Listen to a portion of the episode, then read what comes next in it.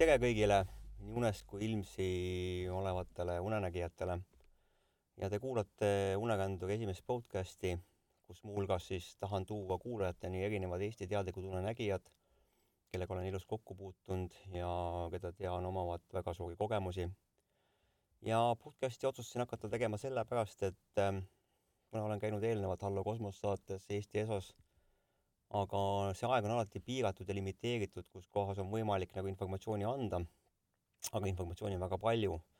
seda enam, et ma olen lapsest saati olnud unenägemise sees ja aastakesi on kogunenud juba viiskümmend. et ongi sobilik aeg kõik, mis on kuhjunud, ära rääkida ja teieni tuua. ja kuna mind on ainult üks, aga inimesi on palju, kuulajaid on palju, küsimusi on palju ja igalühel on tema aeg tema enda prioriteetide küsimus, siis äh, ongi nagu väga hea, kui inimesed saavad ise sobival ajal endale siis võtta lahti podcast'i, kuulata ja siis vastavalt teemadele siis äh, enda teadmisi avardada. väga tihti minu käest küsitakse, et aga äh, ma näen unenägusid väga harva või ma näen neid isegi päris tihti, mõned ütlevad, aga unenägemine, teadlik unenägemine, väga paljud ei tea, millega üldse tegemist on ja mida see üldse anda võib ja mis on selle eesmärk.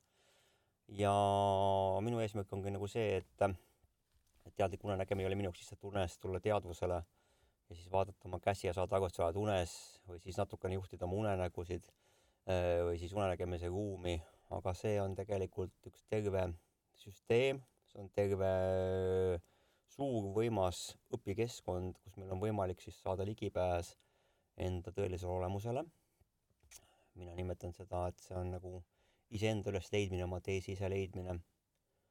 ja selle läbi siis, kui sa saad teadlikuks iseendaks, on sul võimalik saada ka teadlikuks oma ajatust eludeülesest hingeteadusest. aga milleks siis on teadlik unenägemine inimestele antud ja mida ta minule on andnud? et punkt üks, et võtaks kõigepealt, läheks lapsepõlve tagasi et minu esimene unenägemine oli nelja-viie aasta vahemikus. see oli äh, nii võimas, et äh, see jäi mind kogu elu saatma ja ma ei olnud leidnud sellele vastust siis nii palju kui nelikümmend viis aastat. circa nelikümmend viis. ja see vastus mulle tuli alles nüüd, et äh, selle kandi pealt, et kui on sinu elus taotlusi, millele sa soovid vastuseid saada aga elu sulle neid koheselt ei paku, sellepärast et sinu teadus on piiratud, sinu tõde on piiratud ja sa tihtipeale ei tea tegelikult asju, sa ei oma kogemusi, siis kõik asjad tulevad sinu ellu siis, kui sa oled valmis selleks. ja nii oligi, et sellele unenägemisele tuli vastus alles nüüd.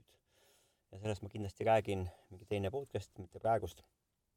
aga muidugi lapsena jah, siis kogetud esimene unenägemine, kus kohas ma hoidsin käes siis kahte kaheksat mis olid keskel kokku liidetud punktist, mõlemad siis kaheksa punkti keskkohast.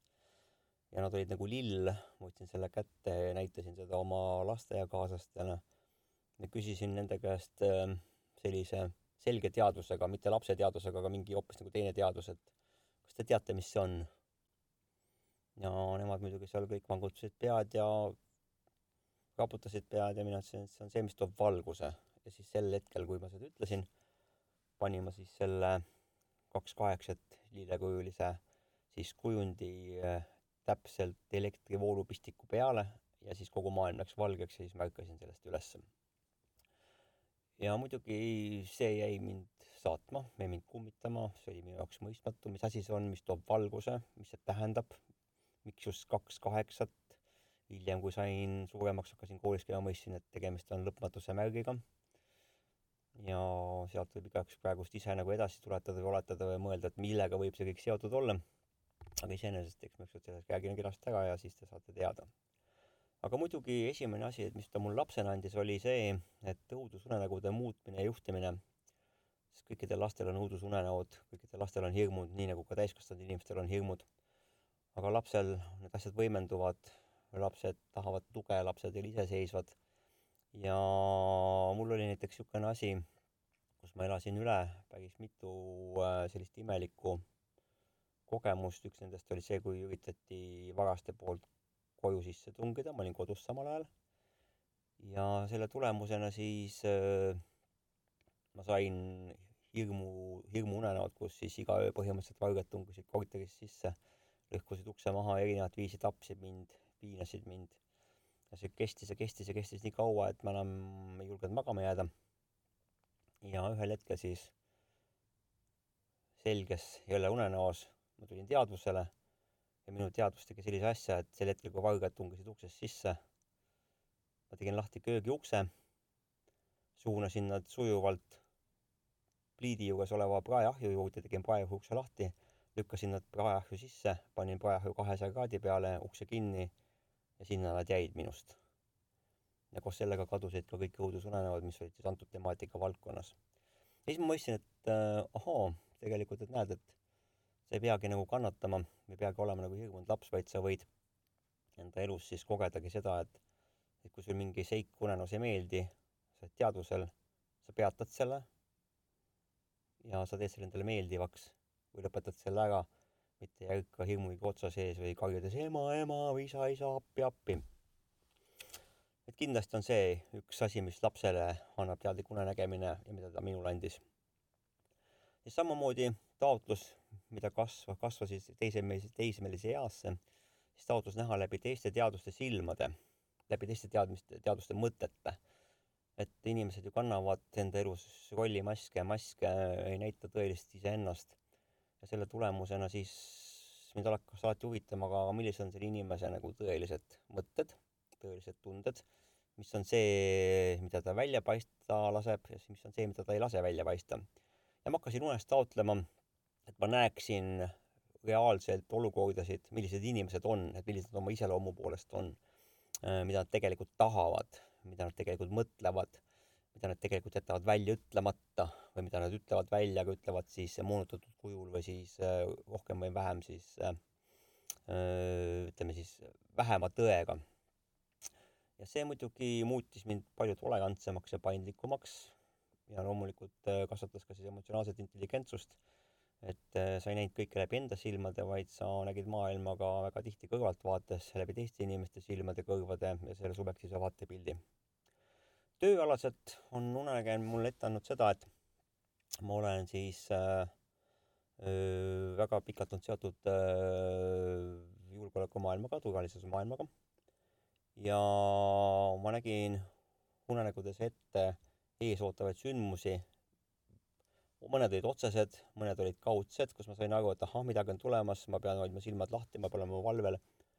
ja sellised äh, hetked minu elus siis, need olid käes, kuna ma olin nüüd eelnevalt juba valmis selleks ja kogenud seda, siis see andis mulle võimaluse palju adekvaatsemalt reageerida ja alati siis tänu sellele saada ka plusspunkte ning teha siis oma tööalaselt karjääri, kuna kõik mõtlesid, ohoo, et kuidas see võimalik on, et sa nii intuitsiooniga või kuidas sa nagu tead, et kuidas sa oskad reageerida ja kuidas sa nii kiiresti suudad otsustada. aga see on seesamane eelis olnud, et sa tead, ahaa, mind on ootamas mingi asi, sarnane asi. Ma pean sellega tegutsema, pean selleks valmis olema.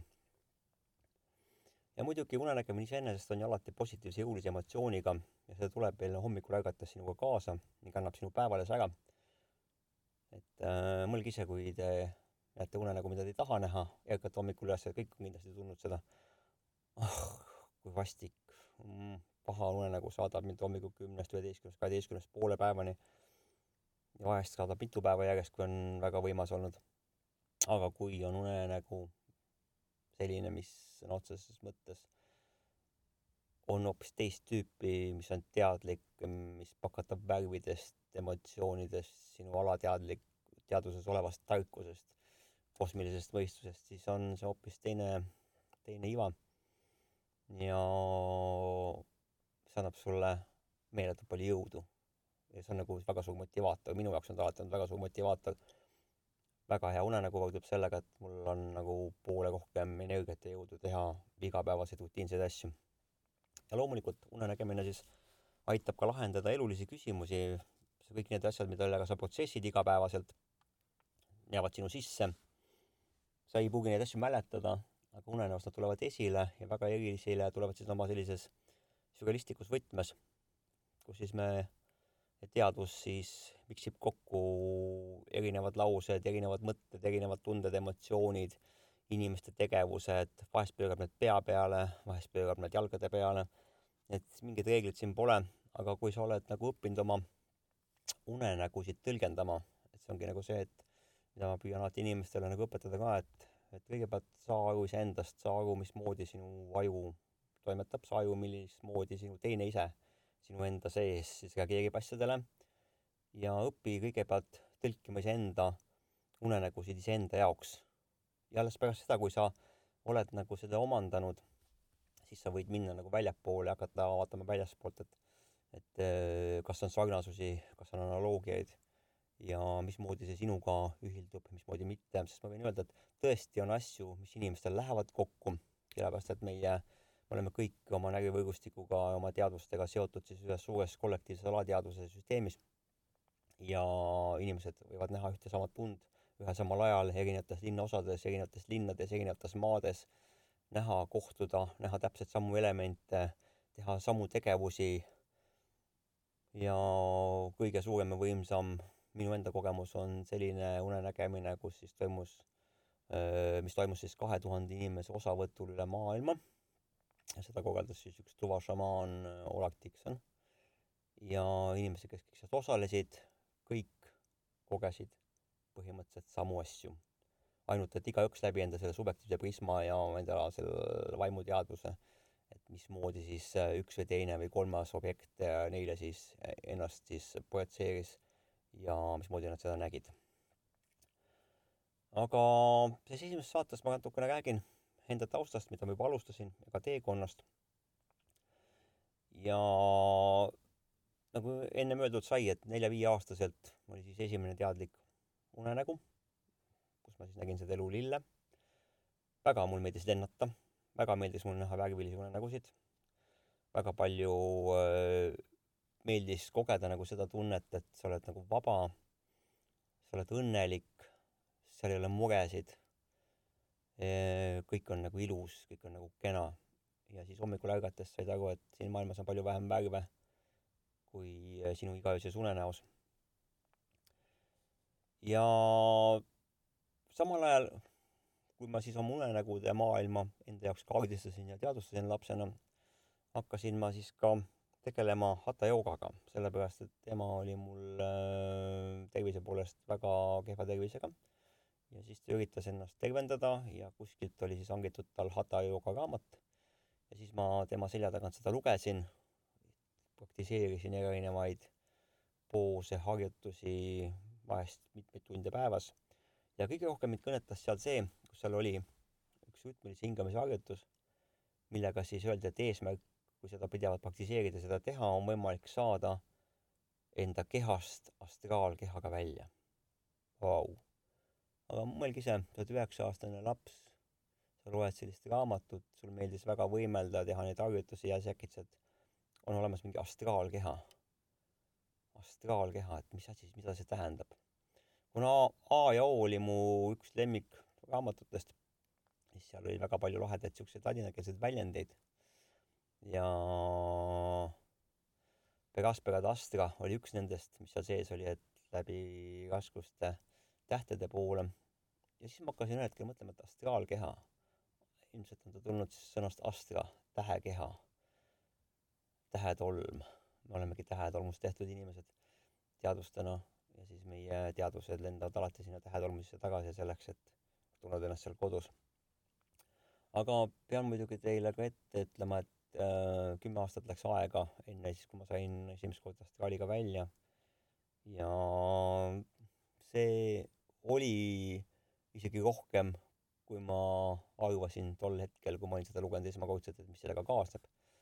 et aga sellest ka edaspidi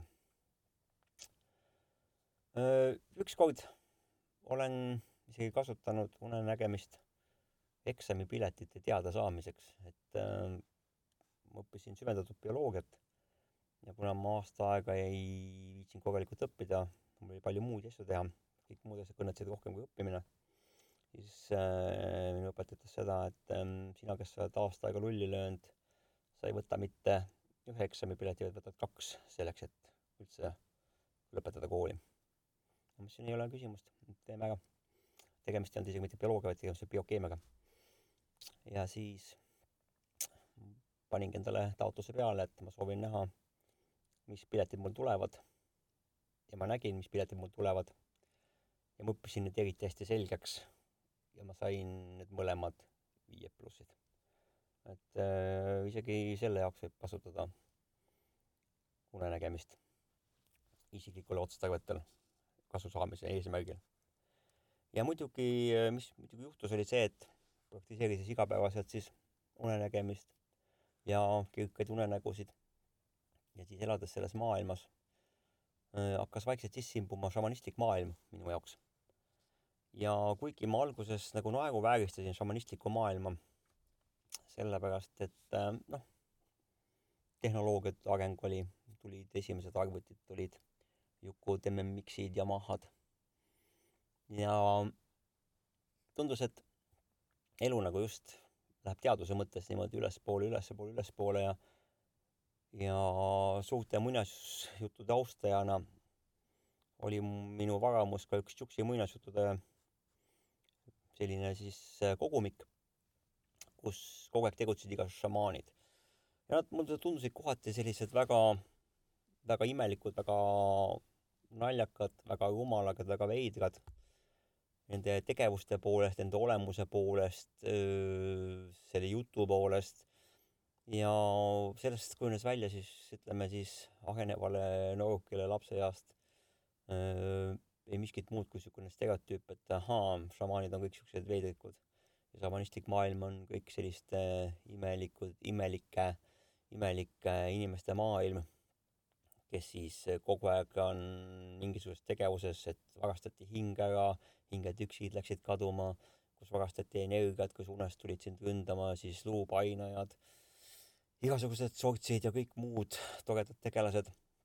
inimesel ongi siis see lugu, et, et sa kuuled, kuulad, sul tekib sellest mingi oma maailm, mingi oma ettekujutus ja sa ei pruugi asjast mitte midagi teada, aga sellegipoolest sa arvad, et sa tead ja tahtmatult siis sa panedki asjadele nagu, omistad mingisuguse väärtuse, millel pole siis selle tõelise olemusega mitte mingit pistmist. aga nagu öeldakse, et see, mida kõige rohkem sa oma elus vastustad, ehk mida sa ei taha enda ellu, see su ellu tuleb. Ja minuga on täpselt niimoodi läinud, et äh, kõik asjad, mis ma olen oma ellu soovinud nagu helges mõttes, äh, heas mõttes, positiivses mõttes, nii et nagu need head raamatud on, et et manifesteerija ja elusaladused, kuidas tõmmata oma ellu igasuguseid äh, neid toredaid asju, mida sa tahad. olen neid kõik saanud. mõne asja olen väga täpselt saanud, mõned asjad olen saanud siukses humoorikas võtmes, sest pärast ma sain aru, et ma olen äh, natukene valesti esitanud siis seda soovi universumile. aga sellegipoolest ma olen need saanud, siis vastavalt selles veidras võtmes. aga mis oli muidugi huvitav oli tõesti see, et kõik need asjad, mida ma naeruvääristasin šamanistlikus maailmas, kõik need asjad tulid äh, minu ellu ja tulid väga äkitselt, pauhti äh,. ma ei oska teile nagu seda täpselt öelda, et äh, mis, mis aastal nagu see peale hakkas. aga ma mäletan, et ma olin viieteistaastane. et selles mõttes et mis aastal, et no kui ma nüüd arvutan ka, et seitsekümmend kaks olen sündinud, eks ju, ja viisteist, siis ma olin äh, ei rohkem ega vähem kui kaheksakümmend seitse aasta, kaheksakümmend kaheksa aasta. kui äkitselt äh, tekkis mul teadlikkus või teadmine, et ma pean endale õmblema koti. ja see oli väga veider. ma võtsin vanaema, vanaisa kartulikoti kloppisin selle tolmust puhtaks ja tegin sellest siukse kandilise märsi. õmblesin sinna pesunööri külge ja korraga tekkis soov, et ma pean sinna külge õmblema mingisuguse looma. ja kuna suguvõsas ikka oli jahimehi, siis olid ka mingid nahad kapis. Sealt ma leidsin sellise ninaga kähriku, kähriku naha, kus oli veel nina küljes ja silmad küljes, silmadega on need silmaavad, eks ju. ja see sobitus täpselt selle koti peale aga midagi oli puudu sealt. ma ei teadnud, mis see oli, mis seal puudu on veel, aga see oli küllalt nagu mitme päeva töö. et ma jätsin ta sinna paika ja ootasin siis järgmist nagu tuhinat ja puhangut edasi, et mis siis edasi saab. ja korraga üks päev kõndisin ma mööda Haukverve randa ja leidsin kanajala, kus on need otsas need kumbitsad ja puha, eks ju, sõrmed, küüned. kanajala. ja tavaliselt inimesed ei korja siukseid asju üles, aga mina teadsin, mul on seda vaja. ma korjasin selle ülesse, see oli väga veider, aga mu noh, ütleme, et ühest küljest mõistus tõukus, et äh, miks ma siukest asja teen. Teisest küljest äh, ma teadsin, et ma pean seda tegema. ja ma tõin selle kanajala koju ja vaatasin, et tal ei ole sobivat kuju, et noh, nagu kes on näinud neid surnud kanajalgasid ja linnujalgasid, need kõik on need küüned on niimoodi kokku tõmbunud ühest tükis, aga kuna ta oli suht värskelt, ma ei tea, mis asjaolu ta sinna sattus, siis ma võtsin kätte ja tõmbasin ta niimoodi õigesse asendisse, nagu mulle tundus, ja panin ta enda toas oleva lambi peale kuivama. Ja iga kord, kui mu laualamp töötas, siis see kanajalg seal vaikselt siis niimoodi soojenes ja kuivas. ühel hetkel ta oli kivikõva, selline, et võtsid kätte, ma võisin sellega nagu küünistada, teha midagi sellist, ütleme, et nad olid hästi tugevad, need küüned olid väga tugevad. äkitselt ma teadsin, see kanajalg peab minema sinna koti külge ja siis see kährik saigi endale oma esijala naha külge siis endale niisuguse proteesi, kus on siis kanajalg oli küljes. ma hakkasin selle kotiga käima, see kott äh, äratas inimestes elevust see sai tähelepanu, see oli väga huvitav, küsiti, miks selline kott, mis loom see niisugune on, keegi arvanud, et see on kährik, sellepärast et oli nii kummaline jalg seal all. ja äkitselt järgmise asjana leidsin maast ühe pulga, sellise laheda pulga. võtsin kätte, sobis täpselt mulle kätte, see on mul siiamaani alles, võtad pihku täpselt minu pöidla, minu käte järgi, kõik oli nagu ideaalne.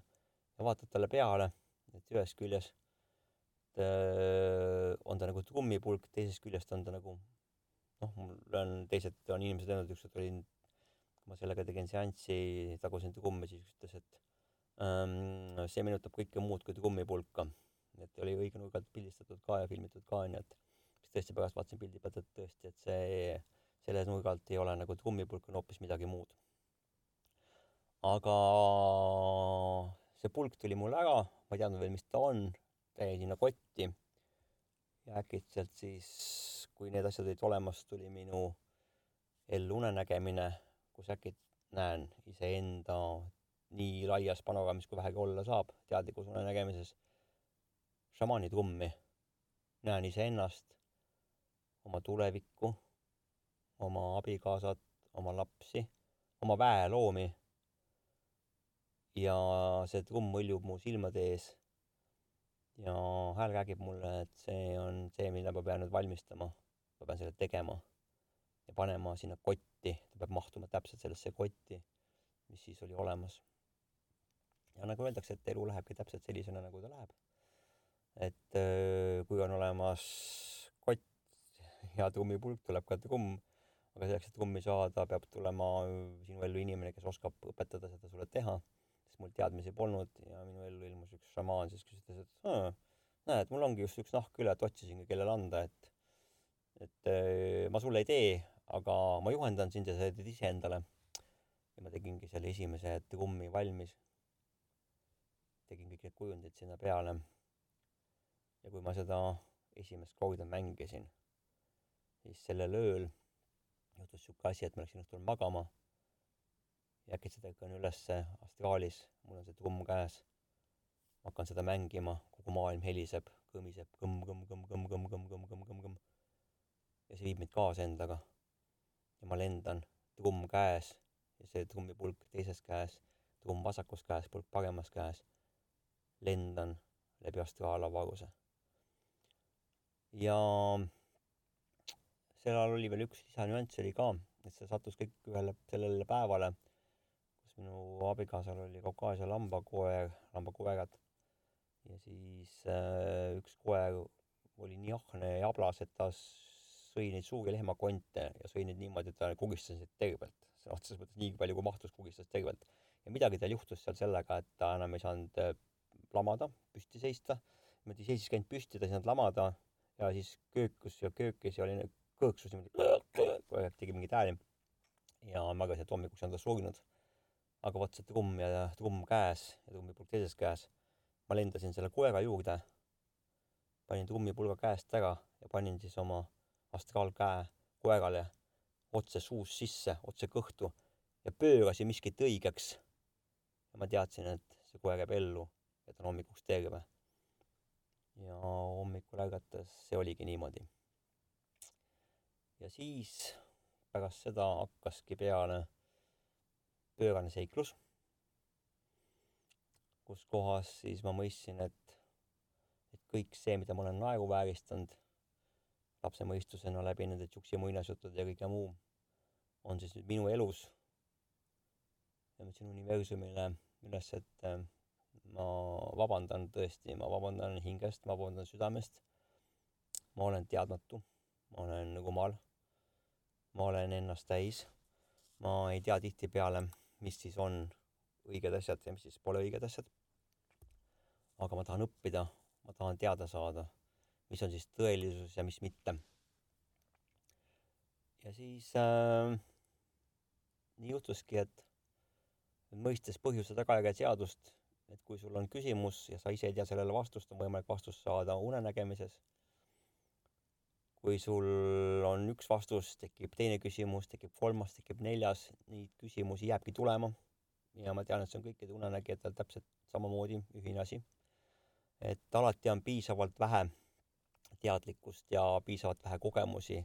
alati on suurem kala ja alati on keegi, kes rohkem teab. ja see, mis me teeme siin ja see, mida ma hakkan tegema siin kõikide teiste unenägijatega, ongi just nimelt see, et ma tahan kokku korjata enda tutvusrinnas kõik unenägijad, tuua nad ükshaaval siia sellesse samasse podcast'i saatesse. ja me räägime nendega läbi, sellepärast et vaadake, mm, ma ei pruugi sobida väga paljudele inimestele oma hääle poolest oma kogemuste poolest, aga on alati keegi, kes sobib teie jaoks. ja kordamööda me, tekib meil see õpilase, õpetaja siis äh, omavaheline niisugune suhe, et nii õpetaja on õpilasele õpetajaks kui ka õpilane on õpetajale õpetajaks ja vastupidi, on ju, õpilane on õpilane ja õpetaja on õpetaja. aga elus ongi niimoodi, et me kõik oleme suures sümbioosis ja iga inimene meie ellu ilmub täpselt õigel ajal, õigete tegevustega, õigete emotsioonidega ning ei ole mitte ühtegi juhuslikku asja. et seda ei, nagu ei saa inimene iseendale lubada ja öelda, et, et ah see oli juhus, see, see lihtsalt niisama juhtus, et ükski asi ei juhtu niisama.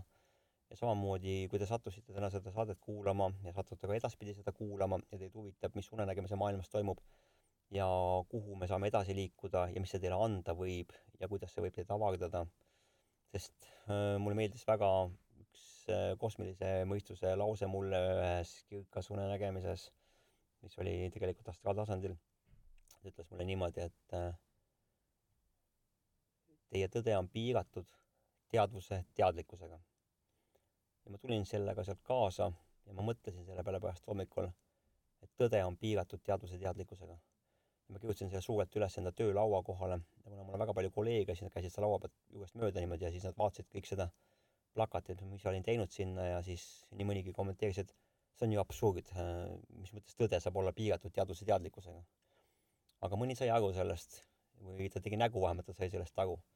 aga ma tean, et enamus unenägijad saavad sellest aru, et meie tõde on täpselt nii suur, kui suur on meie teadvuse teadlikkus ja mis on alati piiratud. ja iga kord, kui me neid piire kasvatame teadlikuks saamise läbi, seda suuremaks kasvab meie tõde ja seda rohkem hakkame nägema suurt pilti, mis on siis väga oluline selleks, et äh, mõista, kes me oleme, kust me tuleme, kuhu poole me läheme. ja ütlen ka ette, et äh, siin saates tulevikus ei saa me üle ega ümber eludeülesest teadusest äh,, mälestustest äh,, sellepärast et unenägemises on kõik seotud väga suures ulatuses, väga suurel määral ja seda on vaja just nimelt sellepärast, et väga paljud unenägijad, kes hakkavad seda kada käima, südamega kada käima, nad tegelikult äh, läbivad samu verstaposte. et see vahepealne vahemaa on lubatud teil, näiteks meil on vaja minna Tallinnast Tartusse, et Tartu on paigas ja Tallinn on paigas, aga te võite minna sealt läbi Rakvere, läbi Narva, kui tahate, on ju, see on teie valik. aga lõpuks jõuate ikka Tartusse, et mulle meeldibki seda näidet tuua sellepärast, et unenägemine on samamoodi, et et see eesmärk, miks unenägemine on inimestele antud teadvustena meile, kes me oleme duaalsed kaksikolendid, ongi sellepärast, et leida oma teine, tõeline teine pool. ja see teine pool ei ole alguses see, et sa vaatad enda ümber ja sa oled mees ja et ma otsin endale naist sa oled naine, sa otsid endale meest. See tõeline teine pool on see, kes sina oled. sinu see tõeline teine pool, see kosmiline ajatu hingeteadvus, kes teab kõike, kes kogeb kõike, kes mäletab kõike. aga mis on ära lõigatud siis meie tavateadvusega ühenduses olemisest igapäevaselt, noh, ta on küll olemas, aga ta on niimoodi lõigatud ära, et me ei mäleta seda ja unenägemine võimaldab seda mäletama hakata ja seda enda jaoks kasutama hakata, neid teadmisi kasutama hakata, sest ähm, kui sa tead, mis ei ole sinu jaoks ja mis on sinu jaoks, sul on palju lihtsam elus kulgeda ja teha oma valikuid. et ma tänan teid äh, kõiki, kes te kuulasite. Ja alustuseks äh, ongi kõik, see podcast hakkab olema circa kolmkümmend, nelikümmend viis minutit pikk tavaliselt. Ning äh, ma hakkan seda tegema siis kaks korda kuus. Ja kui on väga palju sündmusi, siis võib-olla ka mõnikord tihedamalt, et sõltub siis sellest, kuidas kosmos annab. ja ilusat õhtut, ilusat päeva ilusat hommikut, ilusat tööd, millal iganes te seda kuulate. Ja unenägemisteni ning muidugi unerändur.ee lehekülg ning Facebooki grupp on siis see, kus äh, see on küll kinnine grupp, aga kõik, kes sinna tulevad, ma võtan nad alati vastu, see ei ole personaalne grupp, see on alati oodatud enda kogemuste jagamine, küsimuste küsimine. Ja selle läbi me kõik tegelikult avardamegi oma tõe piire ja saame iseendast rohkem teadlikuks. aitäh teile, tšau-tšau!